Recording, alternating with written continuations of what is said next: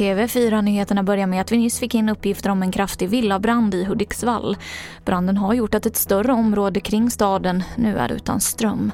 Ingen person ska ha kommit till skada. I Eskilstuna så har polisen gripit tre pojkar i 15-årsåldern som är misstänkta för mordförsök och grovt vapenbrott. Detta efter larm om en skottlossning utomhus igår kväll.